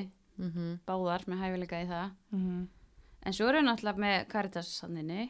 Hún er að koma vel inn í þetta þessum undirbúinsleikjum Já. bara skora. bæta því við leiksinn að skora mörg og Já, Nei, bara ótrúlega kröftu og, og gefur alltaf ákveði svígrum en, en eins og Hulda þú nefnir eh, veist, það á ansi mikið eftir að mæða á Öglumarju Mm veist, hún er stærsta stjarnan í liðinu þegar við förum inn í sumarið, hún er stærsta nafnið. Var náttúrulega næst besti leikmaður Íslandsmótsins í fyrra Já. á eftir Sveindísi.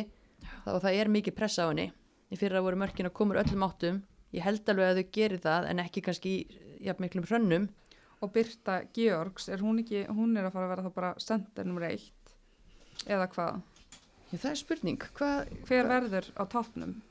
Eins og staðan er núna byrta en Mhm. svo veit maður aldrei hvað gerist. þinn ungu efnilega Vigdís Lilja er náttúrulega líka búin að vera að spila hana en Hún er Men fætt líka- 2005. menn veist ólíklegt að hún sé að fara að, að hérna, leiða sóknarleikin í Maxinu Mm -hmm. uh, Væri skemmtilegt. já, en svo Þórdís Hrönn er auðvitað komin að inn. Hún er ekki, veist, hún er náttúrulega ekki búið topp en Hún En getur hún spilað gæti- margar stöður.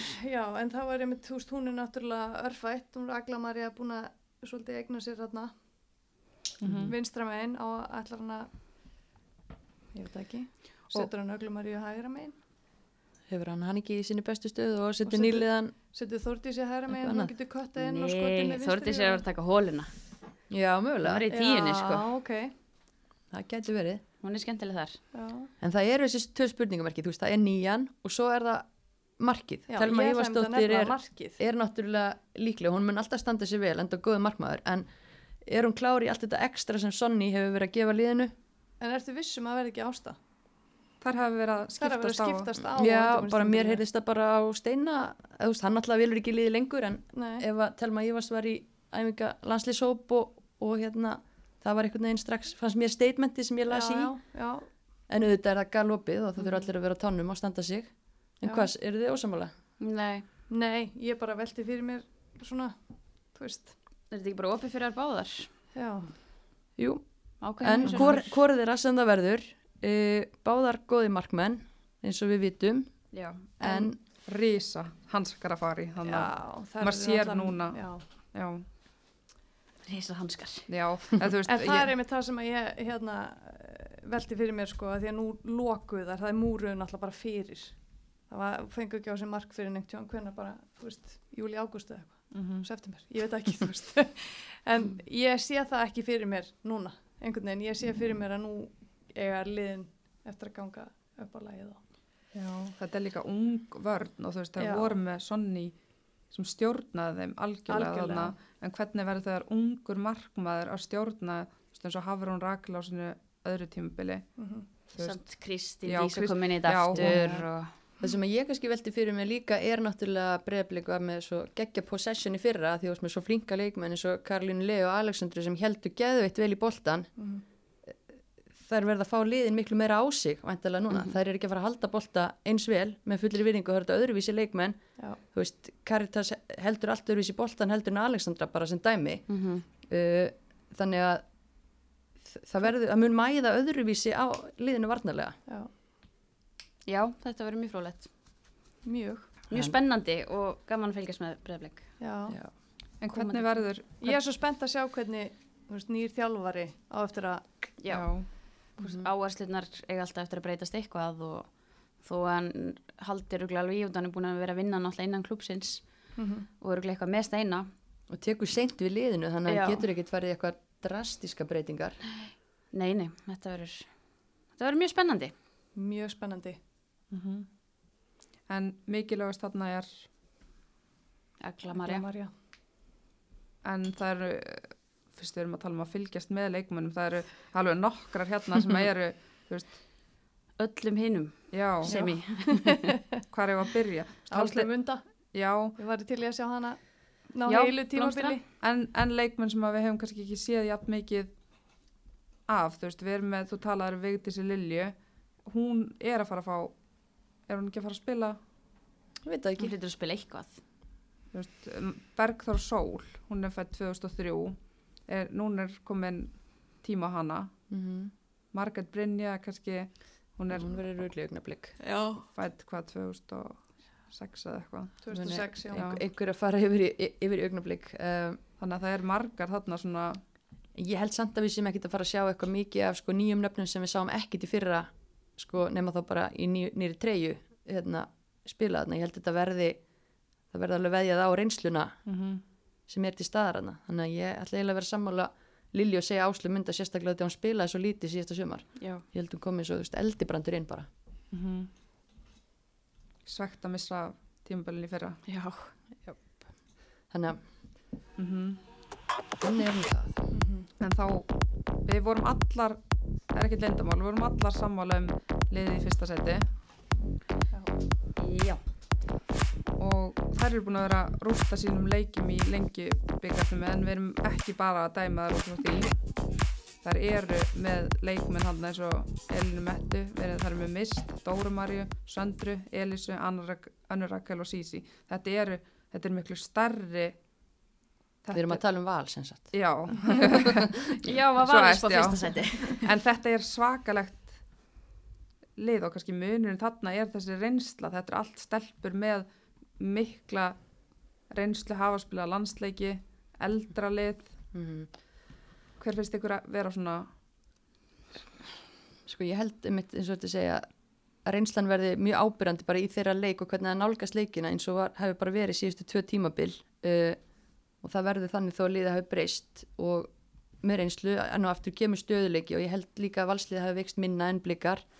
Þannig að ég, mér finnst það bara líkleri út frá þessum forsendum og það eru búin að sækja mjög öfluga leikmenn leikmenn sem eru hungraðir kannski líka að sína svolítið hvað er geta mm -hmm. og eh, fyrir mér er Elmetta Jensen langbæsti sendirinn í þessari deilt og Hún verður langt mikilvægst. já, ég held að þú veist, sem var hendi smá pressu á hana, ég meina hún er bara mjög sterkur kandidat í að verða besti í deildinni aftur eins og Mhm. þegar það eru Íslandsmeistarar Já. Já. Sammála. Og þegar deildin er kannski núna hún er veikar eftir að þær hafa allar farið út hvað getur Elin skorað mörg mörg í þessari deild Hún getur skorað, hvað hún í fyrra? Fjör, 12, 13, 14 ég menn hún getur alveg skorað yfir 20 mörg ef Já. allt gengur upp en svo geta Sko- það líka bara verið 15 og það getur bara verið fínt eða 10 og gengið upp mm -hmm. það fer svolítið eftir hvernig þetta hvernig þetta hérna mun líti út en veist, liðið er mjög vel drillað og, og þú veist, leikmennins Ástís Karin búin að vera ríkala flottar undirbúnstímbilinu, mist Edvarsdóttir gaf náttúrulega liðinu ótrúlega mikið þegar hún kom inn í fyrra Dóra Marja já, það er eftir að gefa liðinu mjög mikið Sandra Sigurdóttir að fara í tímabil 21 Já, þetta er svakalegt. Já. mm -hmm. bara geggju standi Þú toppar ekkert þennan markmann og þennan sendir í deildinni. Nei. Það er erfitt. En það er missa leikmenni svo hlín var náttúrulega rosalega skapandi og komað mikið að mörgum. Það missa Hallberu og Guðni úr verðninni, Gunnhild Irsu sem spilaði þarna í lokinni fyrra. Þetta eru svaka nöfn að fara en á samanskapi er það líka sækja Já, Já, og líka bara ef Fandís kemur inn í þetta aftur, auðvitað Mhm. kannski ósangjönd ætlast til hún veri ykkur drottningarna í byrjun en maður veit aldrei, svo náttúrulega mun tíminn bara hjálpa henni. já, og þú veist, missa Hallbyrju sem er náttúrulega uh, mjög slæmt að því að Hallbyrja er náttúrulega bara ekki bara frábær karakter og leikmaður og hennar spytundar en náttúrulega bara umtalaðar en, en að geta fengið leikmanni sem er í Alice til Já. þess að hérna allavega að reyna að komast nálægt í að fylla það skarð það er bara ansi mjög mikil, dýl mjög mikil skadamingun Já, að fá hana bara strax sko. og hún er múin að vera vist geggjuð á undirbúinistímabilið þannig að það verður gaman að sjá hana í val. Já, og svo er spurning með, þú veist, hafsenda stöðuna náttúrulega sem Gunni er að skilja eftir sig. Er Sísi að fara að spila þarna? Er Mist að fara að spila þarna? Var alveg með nokkra- Elisa getur líka að nokkra- spila þarna. Já, Þetta er svona, það eru nokkri möguleikar. Ég haldið að Arna fá ekki. jú, svo það, það verður líka skemmtilegt. Gætu verið. En nú er Adda ekki miðjunni. Að veist. Þeir eru náttúrulega með- miðjunni Með Og... svo marga möguleikar hafa bæði Já. verið að spila með tvo hafsenda, svo að tekið þryggja manna. Mm Þannig að þú veist, þetta er svona bara spurningur líka hver eru heilar hjá þeim og hvað hendar í hverjum leik fyrir sig. Þeir hafa alveg breyttina. Þó Já. við tölum að það sé vant að missa guðni þá eru með svo marga aðra með málfríði, systir Örnu, hún Já. hefur líka leist þarna í þryggja manna hafsenda, þetta er svona alls konar. Þeir eru ekki á flæði stærri, flæði scary stadir, getur og eður. Nei, þetta er alveg góðir leikmenn til að velja úr. Já. og Anna Rakel, hvar, hvar fær hún hlutverk? Það er mjög fróðlegt, að einmitt- tóku Marja Já, mér fannst það Hún áhugavert. að spilað- Hún lifði fyrir framann hana bara. Hún hefur spilað á miðjunni þar sem ég hef séð, Já, það bara mjög ok. vel Ok. og hérna, Það er marga opsjóna með hana líka. já, náttúrulega bara, Já, þetta er alveg skemmtilegt. Já. Pæli hvað gaman að vera þjálfari. já, jákvæður hausverkur, alltaf, Já, hvað er hausverkur góður? þetta hress, sko. og líka með leikmenni svo, ég meina Ástís Karen, Íta Málfyrir Anna, það er bara komið að þessum leikmenni núna bara óna þessa deild, þær hafa verið svolítið inn og út úr liðinu og Já, maður kannski fyrir vonbröðu með Ítu í fyrra. Þannig að hún lítur að vilja koma inn núna og eigna sér meira. Mhm. Já, algjörlega. Og svo Bergdís Fanney náttúrulega kom sterk inn hann sérstaklega lokasprettin mér fyrra þegar hún Já. fekk mínútur. Það er líka leikmaður sem er eiginni Góður supersub. algjörlega og, en villur ekki að verða meir en það þannig Já. að, að og það er spurning hvort að hún fá einhverja, einhver tækifæri sem hún getur gripið. En Solveig Larsen, hún skrifaði hann undir.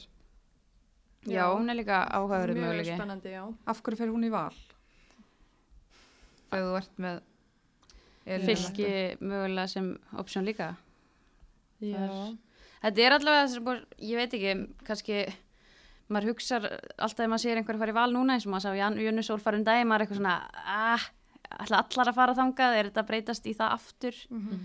En auðvitað skilur maður leikmennu að vilja fara í gott umhverfi og spila á, með góðum leikmennum. Þannig að þetta er svona, við getum alveg sagt bara að þeir hafi úr mörgum mjög góðum leikmennum að velja. og það er örugglega mjög skemmtileg hörð og mikil samkeppni inn á æfingum Já. þessa dagana Og svo eru þeir líka náttúrulega búin að stopna KH út af því að yngri flokkarnir í val eru ekkert slór með góða leikmenn þar að spila í þriði og öðrum flokk og, og núna þá KH þannig að þetta var gott verkefni hjá þeim að stopna það. Mhm. Þannig að það er mjög sniðut og ætlar að vera með þetta góðan mestaraflokk að bjóða yngri leikmennunum upp á eitthvað tækifæri. Halda þeim, vefnið Já, bara svona aðeins starra verkefni. Þannig að þetta er allavega hópur sem að er hægt að gera eitthvað gott úr. Já. Og þú vorum, til í að vera þjálfari þannig Já, held að allir á Íslandi væri alveg til í þennan hóp sko. og við treystum þeim Pétri og Eið til að gera þennan hópað Íslandsmeisturum samkvæmt þessari ótíma bara spá okkar Já, þeirra 47 dagar eru í fyrsta leik við bombum þeirri pressu á þá núna. Mhm. Þeir fíla það held ég, þeir stefna klálega að vera Íslandsmeistarar. Anna var í þannig að mikilvægast þarna Elín, Elín Metta. Elín Metta og við ætlum að fylgjast með fólk á að fylgjast með Ég persónulega bara Mary Alice, ótrúlega Já. spennt að sjá hana í þessu umhverfi. Já, Sjá hvað hann getur. mjög. Svo líka ungu leikmaður hérna, Dóra Marja. Nei, Gaman Ég að fylgjast með henni. eitthvað að henni. Nei, þær eru náttúrulega margar hérna mjög skemmtilegar. Ef við ætlum að taka einu unga úr val, þá er að kalla tryggva. fær hún tækifæri fætt 2005 Þannig að spurningin er mitt, verður hún veist, inn í þessu og væri að koma inn á eða fer hún í KH? Hún hefur svona verið að fá einhverja mínúti núna. Já, er hún ekki í KH? Er það ekki? Jó, ég hef til að fá fleiri leiki. En það verður gaman. Hvort sem hún verður þar eða í val, þá Já. er það leikmaður til að fylgjast með. leggja nafnið á minnið. Mhm. Mm. Þannig að Valur er Íslandsmeistari 2021. Blásið af bara. Nei, þetta verður, þetta verður skemmtilegt mót. Þetta ver, verður held ég, ég var að segja, þetta verður, þessi miðja verður ansi jöfn.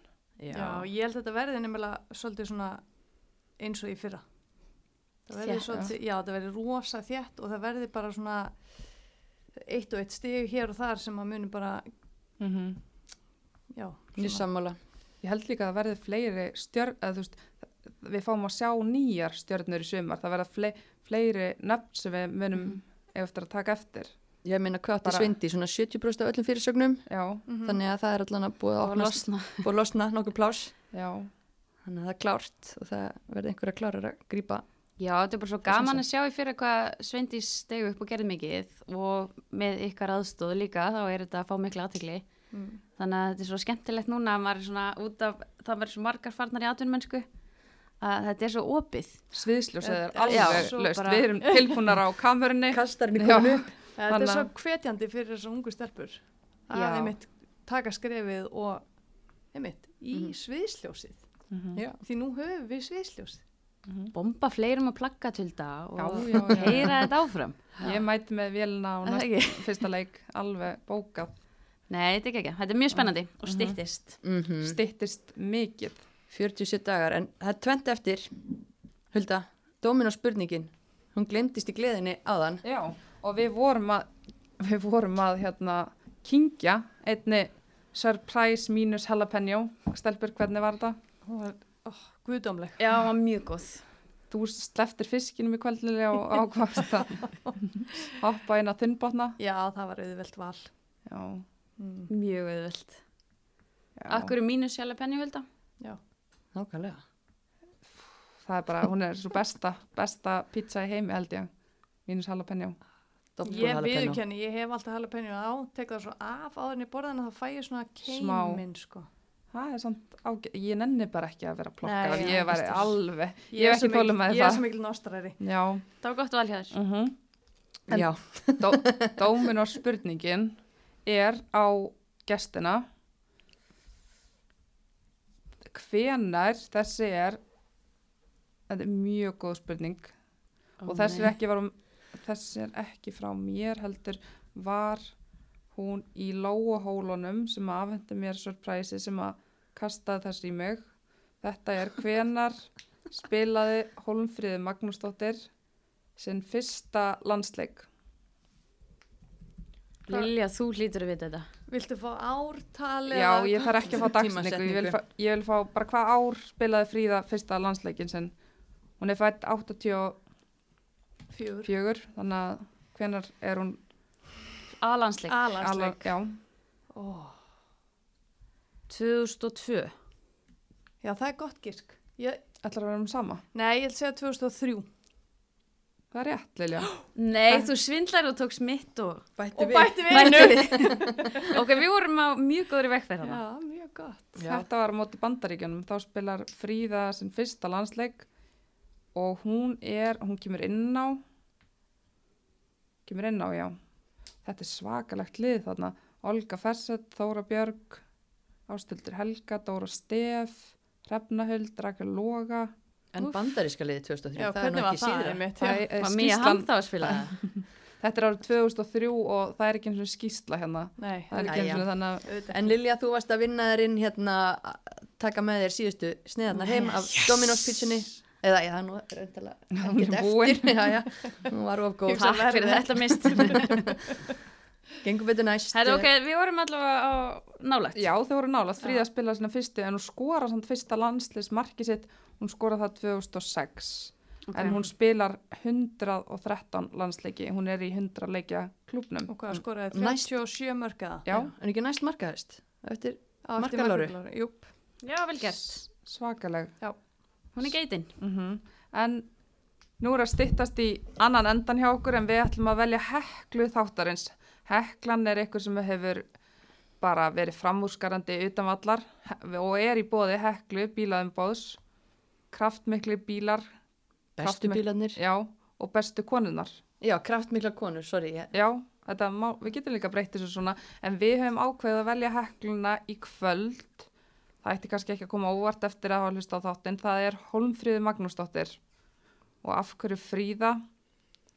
Hún er náttúrulega búin að eiga geggjaðan feril og er búin að snúa heim eftir atvinnum sko, og hefur bara verið að gefa mikið af sér til yngri yðgenda og bara þessi reynsla sem hún hefur, það er bara ótrúlega mikilvægt að leikmenn sé að Mhm. kominni skilum mikið eftir á Selfossi til dæmis núna Mhm. eftir síðustu tímambil og svo líka bara hvað hann er búin að gefa okkur mikið með landsliðinu og þú ert búin að kalla hana geitina oftar en einu sinni en í, í kvöld Nei, bara íslensk kvennaknarsminna.